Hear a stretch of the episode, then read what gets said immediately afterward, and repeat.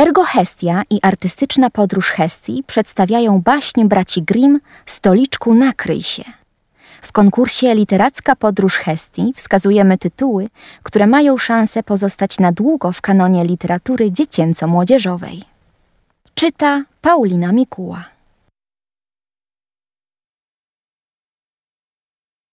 Jacob i Wilhelm Grimm. Stoliczku nakryj się. Tłumaczenie Marceli Tarnowski. Przed laty żył sobie krawiec, który miał trzech synów, a tylko jedną, jedyną kozę. Ale że wszyscy żywili się jej mlekiem, więc dbali, aby koza miała dość paszy i synowie co dzień po kolei paśli ją na łące. Pewnego dnia najstarszy z braci zaprowadził kozę na cmentarz, gdzie pełno było bujnej trawy. Wieczorem, gdy czas już było wracać do domu, zapytał chłopiec kozy. Najadłaś się, Kusko? Kuska zaś odparła. Ach, mój drogi, ach, mój miły, tak najadłam się. Nie zjem więcej niż dziebełka. Me, me, me. Chodź więc do domu, zawołał chłopiec, ujął ją za postronek i zaprowadził do obory. Czy dobrze się dziś koza napasła? Zapytał krawiec. O, odparł syn, ani ździebełka już zjeść nie może. Ale ojciec chciał sam się przekonać, czy to prawda. Poszedł więc do obory, pogłaskał stworzenie i zapytał. Najadłaś się, Kusko? Kuska zaś odparła. Me, me, me. Nie najadłam się. Po rowach skakałam i trawki szukałam, lecz nie było ni ździebełka. Me. A cóż to znowu? zawołał krawiec oburzony. Pobiegł do izby i przywołał syna. Kłamco! Powiedziałeś, że koza już syta, a ona nic nie jadła. Po czym w srogim gniewie chwycił ze ściany drewniany łokieć, wygarbował chłopcu skórę i wygnał go za wrota. Nazajutrz przyszła kolej na średniego brata. Ten wyszukał jeszcze piękniejszy kawałek łąki za ogrodem i poprowadził tam kozę. Wieczorem, gdy czas już było wracać do domu, zapytał chłopiec kozy. Najadłaś się, Kusko? Kuska zaś odparła. Ach, mój drogi, ach, mój miły, tak, najadłam się. Nie zjem więcej niż dziebełka. Me, me, me. Chodź więc do domu, zawołał chłopiec. Ujął ją za postronek i zaprowadził do obory. Czy dobrze się dziś koza napasła? zapytał krawiec. O, odparł syn, ani ździebełka już zjeść nie może. Ale ojciec chciał sam się przekonać, czy to prawda. Poszedł więc do obory i zapytał. Najadłaś się, Kusko? Kuska zaś odparła. Me, me, me. Nie najadłam się. Po rowach skakałam i trawki szukałam, lecz nie było ni ździebełka. Me. A to łotr dopiero! wykrzyknął krawiec w gniewie i zbił syna łokciem, po czym wygnał go z domu. Trzeciego dnia przyszła kolej na najmłodszego z braci.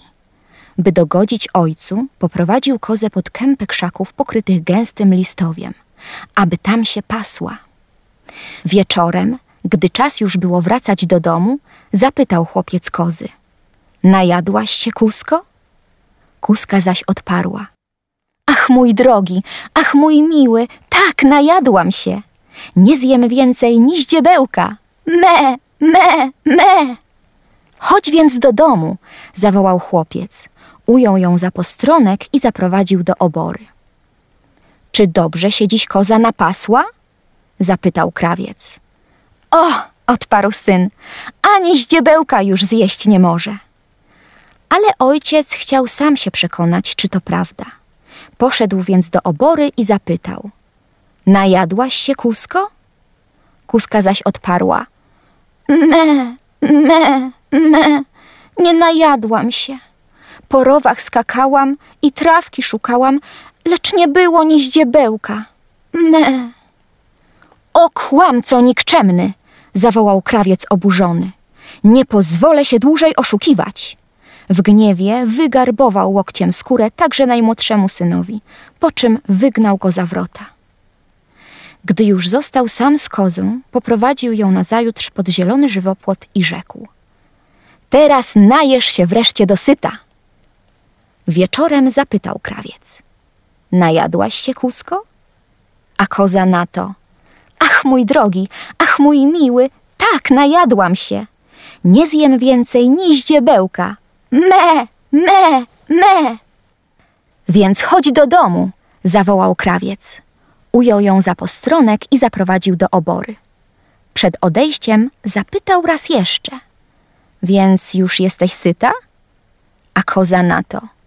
Me, me, me. Nie najadłam się. Po rowach skakałam i trawki szukałam, lecz nie było ni ździebełka. Me. Kiedy to krawiec usłyszał, zrozumiał, że niesłusznie wygnał swoich synów. Poczekaj, ty niewdzięczne stworzenie, zawołał. Wygnać cię to za mało. Muszę cię naznaczyć, żebyś nie mogła już przebywać wśród uczciwych krawców. Pobiegł szybko do izby, przyniósł brzytwę, namydlił kozie głowę i ogolił ją gładko jak dłoń. A że łokieć wydawał mu się zbyt zaszczytnym narzędziem kary, przyniósł bicz i tak nim schłostał kozę, że uciekła co sił i nigdy już nie wróciła. Został więc krawiec sam i bardzo mu było smutno. Chętnie wziąłby synów na powrót do domu, ale nikt nie wiedział, dokąd poszli. Tymczasem najstarszy poszedł na naukę do stolarza, a uczył się tak pilnie, że gdy skończył się jego termin, majster dał mu w podarunku stolik, który wyglądał jak każdy inny stolik, ale miał jedną ciekawą właściwość. Jeśli się go postawiło i zawołało: Stoliczku, nakryj się! Natychmiast stolik nakrywał się śnieżno-białym obrusem, zjawiał się na nim talerz i nóż z widelcem, i miski z pieczystym i innym najprzedniejszym jadłem, i kielich, w którym połyskiwało czerwone wino, aż serce radowało się człowiekowi na ten widok. Czeladnik pomyślał sobie: Tego starczy mi na całe życie. I ruszył wesoło w świat, nie troszcząc się o to, czy znajdzie dobrą gospodę. Jeśli pogoda była ładna, wcale do karczmy nie zachodził, lecz rozstawiał swój stolik na łące czy w lesie i mówił: Stoliczku, nakryj się. A wnet zjawiło się wszystko, czego zapragnął. Wreszcie postanowił powrócić do ojca, myśląc: Nie będzie się już gniewał na mnie, kiedy mu taki cudowny stoliczek przyniosę. Po drodze do domu zaszedł pewnego wieczora do karczmy pełnej gości, którzy zaprosili go do swego stołu, proponując, aby zjadł z nimi wieczerze, gdyż nic już więcej u gospodarza nie dostanie. Nie, odparł stolarz.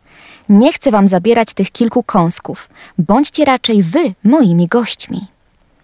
A kiedy wszyscy poczęli się śmiać, sądząc, że to żarty, postawił przed sobą swój stolik i zawołał: Stoliczku, nakryj się. W tejże chwili na stoliczku zjawiły się najlepsze potrawy i napoje. Jedzcie i pijcie, przyjaciele! Zawołał młody stolarz, a goście nie dali sobie tego dwa razy powtarzać.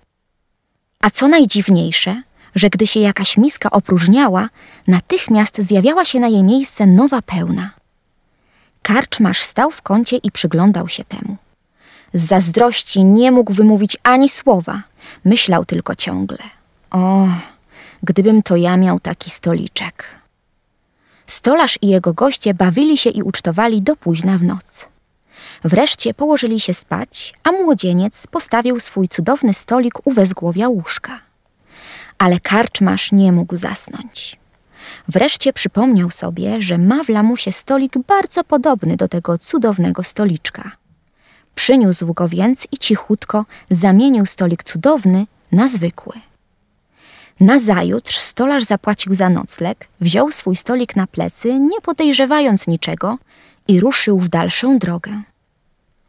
Koło południa przyszedł wreszcie do domu ojca. Stary krawiec powitał go z radością. No, mój synu, czego się nauczyłeś? zapytał. Zostałem stolarzem, ojcze. Bardzo dobre rzemiosło, odparł stary. A cóż sobie przyniosłeś z wędrówki? Ojcze, najcenniejsze, co przyniosłem, to ten stolik.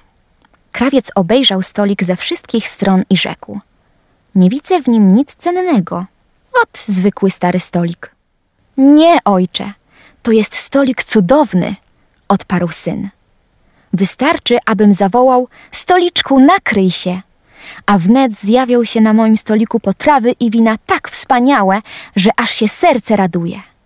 Zaproś tylko, ojcze, wszystkich krewnych i przyjaciół, a wnet urządzę im ucztę i wszystkich nakarmię dosyta. Kiedy się wszyscy zeszli, stolarz postawił swój stolik na środku pokoju i zawołał: Stoliczku, nakryj się! Ale stoliczek ani drgnął. Wówczas zrozumiał nieszczęsny młodzieniec, że został oszukany. Krewni zaś wyśmiali go i z pustymi żołądkami wrócili do domu. Ojciec musiał wziąć się z powrotem do swego rzemiosła, a syn przyjął robotę u stolarza. Drugi z synów poszedł na naukę do młynarza. Gdy termin już minął, rzekł doń majster. Bardzo byłem z ciebie zadowolony, a w nagrodę dam ci tego oto osiołka. Nie zda się on na nic, bo ani wozu nie pociągnie, ani ciężarów nie poniesie, ale ma za to inną właściwość. Jeśli tylko rozłożysz przed nim chustkę i zawołasz osiołku, kładź się, natychmiast sypną mu się z pyska i spod ogona złote dukaty. Czeladnik podziękował majstrowi i zadowolony ruszył w świat. Kiedy mu zabrakło pieniędzy, rozkładał tylko przed osiołkiem chustkę i wołał: Osiołku, kładź się! A natychmiast miał złota pod dostatkiem. Nie miał nic więcej do roboty, tylko je zbierał z ziemi. Gdziekolwiek przyszedł, przyjmowano go chętnie, gdyż zawsze miał pełną sakiewkę. Kiedy tak już przez pewien czas wędrował po świecie, zapragnął wreszcie wrócić do ojca. Nie będzie się już gniewał na mnie, pomyślał, kiedy mu takiego osiołka przyprowadzę. Zdarzyło się, że i drugi z braci przyszedł do tej samej karczmy, w której pierwszego oszukano. Kiedy karczmarz podszedł do niego, aby zaprowadzić osła do stajni, młynarz rzekł: Dziękuję, sam się zajmę swoim rumakiem. Muszę wiedzieć, gdzie stoi. Karczmarzowi wydawało się to dziwne i pomyślał, że gość, który sam się opiekuje swoim osłem, z pewnością mało ma pieniędzy. Ale gdy młodzieniec wyjął z kieszeni dwie sztuki złota i kazał sobie postawić za to jak najlepsze jedzenie, zrobił karczmarz wielkie oczy i co sił w nogach pobiegł po najlepsze potrawy. Po obiedzie młynarz zapytał o należność. Karczmarz nie żałował oczywiście kredy i kazał sobie jeszcze dwie sztuki złota dopłacić. Gość sięgnął do kieszeni, ale spostrzegł, że nic już w niej nie ma. Rzekł więc do karczmarza – Zaczekajcie chwileczkę, zaraz wam przyniosę pieniędzy. I wyszedł z izby, zabierając z sobą chustkę. Karczmarz był ciekaw, co to ma znaczyć. Pobiegł więc za nim ukradkiem, a że młodzieniec zamknął za sobą drzwi stajni, począł podglądać przez dziurkę. Młody młynarz rozłożył przed osiołkiem chustkę i zawołał: Osiołku, kładź się! A wnet na ziemię poczęły się osiołkowi sypać z pyska i spod ogona same złote dukaty. Ej, do licha! zawołał karczmarz. Gdybym to ja miał taką żywą sakiewkę. A kiedy gość zapłacił należność i położył się spać, karczmarz zakradł się do stajni, uprowadził złotodajnego osiołka i podstawił innego. Nazajutrz młodzieniec wyruszył ze swoim osiołkiem w dalszą drogę, niczego nie podejrzewając. Koło południa przyszedł wreszcie do ojca, który przyjął go z radością i zapytał: Jakiego rzemiosła nauczyłeś się, synu? Zostałem młynarzem, ojcze, odparł młodzieniec. A cóż przyniosłeś sobie z wędrówki? Nic prócz tego osiołka. Osłów dość tu mamy, rzekł ojciec. Lepiej byś się postarał o kozę. Tak, odparł syn, ale to nie jest osioł zwyczajny. Jeśli zawołasz tylko osiołku kładź się, natychmiast poczciwe stworzenie sypnie ci na chustkę pełno dukatów. Zaproś tylko wszystkich krewnych i przyjaciół, a obdaruję ich hojnie. A to pięknie, zawołał krawiec. Będę więc mógł rzucić swoją igłę i żyć spokojnie aż do śmierci. Kiedy się zeszli wszyscy krewni, młody młynarz rozłożył przed osłem chustkę i zawołał: Osiołku, kładź się! Ale osioł bynajmniej nie począł sypać złotem i biedny młynarz przekonał się, że został oszukany. Przeprosił krewnych, którzy poszli do domu z pustymi kieszeniami. Stary krawiec zaś musiał znowu wziąć się do pracy, a syn zgodził się do młynarza. Najmłodszy z braci poszedł na naukę do tokarza, a że jest to trudne rzemiosło, musiał się długo uczyć. Dowiedział się więc z listów braci, jak ich zły karczmasz oszukał. Kiedy skończył się jego termin, majster podarował mu stary worek, w którym leżał kij dębowy. Worek przyda mi się w drodze, rzekł młodzieniec. Ale na co mi ten kij? Zawadza tylko. Nie mów tego, rzekł majster. Nie jest to zwykły kij. Jeśli ci kto coś złego zrobi, zawołaj tylko bij kiju samobiju. A kij wnet wyskoczy z worka i puty bić będzie, póki nie zawołasz dość już kiju samobiju. Czeladnik podziękował mu, wziął worek i ruszył w drogę. Gdy tylko ktoś chciał mu coś złego zrobić, wołał bij kiju samobiju, a wnet kij wyskakiwał z worka na jego obronę. Pod wieczór przybył tokarz do karczmy, gdzie nocowali jego bracia. Położył worek na stole i począł opowiadać o dziwach, jakie widział na świecie. Tak, rzekł. Widuje się wprawdzie cudowne stoliki, co się nakrywają na rozkaz, osiołki złotodajne i inne dobre rzeczy, którymi nie gardzę, ale wszystko to jest niczym wobec skarbu, który mam w tym worku. Karczmasz nadstawił uszu. Cóż tam może być takiego? Pomyślał. Worek jest pewnie pełen klejnotów. Muszę go zdobyć koniecznie. Gdy nadeszła pora snu, gość wyciągnął się na ławie i podłożył worek pod głowę. Gdy karczmasz sądził, że tokarz już śpi, zaczął mu ostrożnie wyciągać worek spod głowy, chcąc mu podsunąć inny, podobny. Ale młodzieniec czuwał i tylko na to czekał. Gdy karczmasz śmielej szarpnął, zawołał Bij kiju samobiju! Kij wyskoczył wnet z worka i począł okładać złego karczmarza. Karczmarz krzyczał i błagał o litość, ale kij nie zważał na nic, aż łotr padł wreszcie wyczerpany na ziemię. Wówczas tokarz rzekł: Jeśli nie oddasz natychmiast cudownego stolika i złotodajnego osiołka, taniec rozpocznie się na nowo. Zlituj się, zawołał karczmarz. Oddam ci wszystko, tylko uwolnij mnie od tego przeklętego kija. Dobrze, odparł tokarz. Okażę ci łaskę, ale strzeż się na przyszłość. Po czym zawołał: Dość już kiju samobiju. A kij wnet powrócił do worka.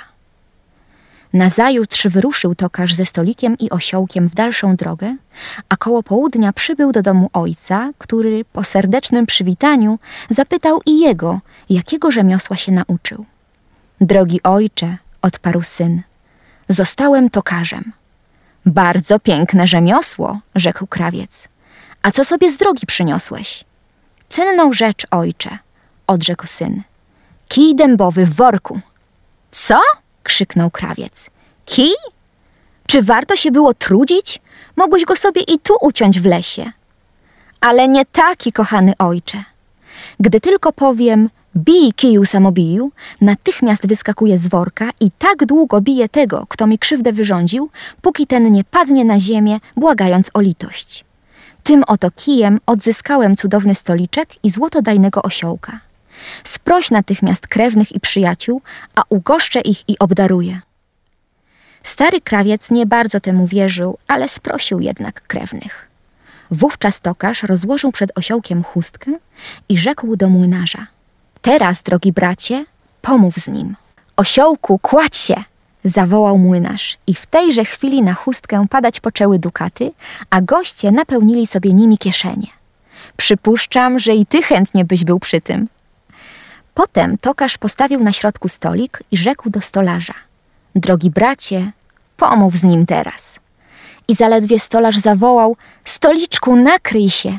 Zjawiły się na stoliku najlepsze potrawy. Wyprawiono więc wspaniałą ucztę, a krewni zostali w domu krawca jeszcze przez trzy dni, tak długo bowiem trwała uczta.